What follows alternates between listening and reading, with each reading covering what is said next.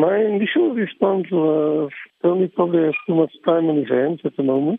The issue of uh, definition of calling people colored or whatever is an issue that I think needs to be discussed, but I don't agree with the solution that he proposes in terms of new name for colored people.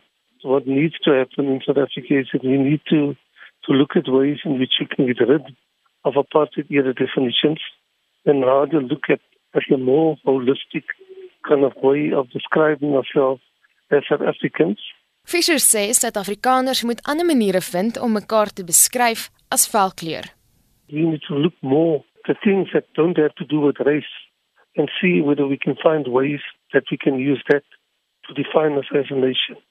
Like language, for instance, you know, you can be English speaking South African or an Afrikaans speaking South African or a Xhosa or Zulu speaking South African. It doesn't need to be all about race. Volgens hom is veral die jonger generasie besig om weg te beweeg van rassebeskrywings. But we as older people, we try to drag them back into the race discussion all the time.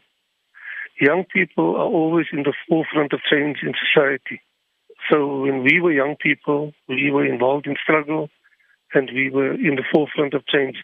And so the young people of today also need to to realize that that is a historic role that they have to play and that they should no longer depend on us to determine the debate. They need to determine the debate. Dit was die skrywer van die boek Race, Ryland Fisher.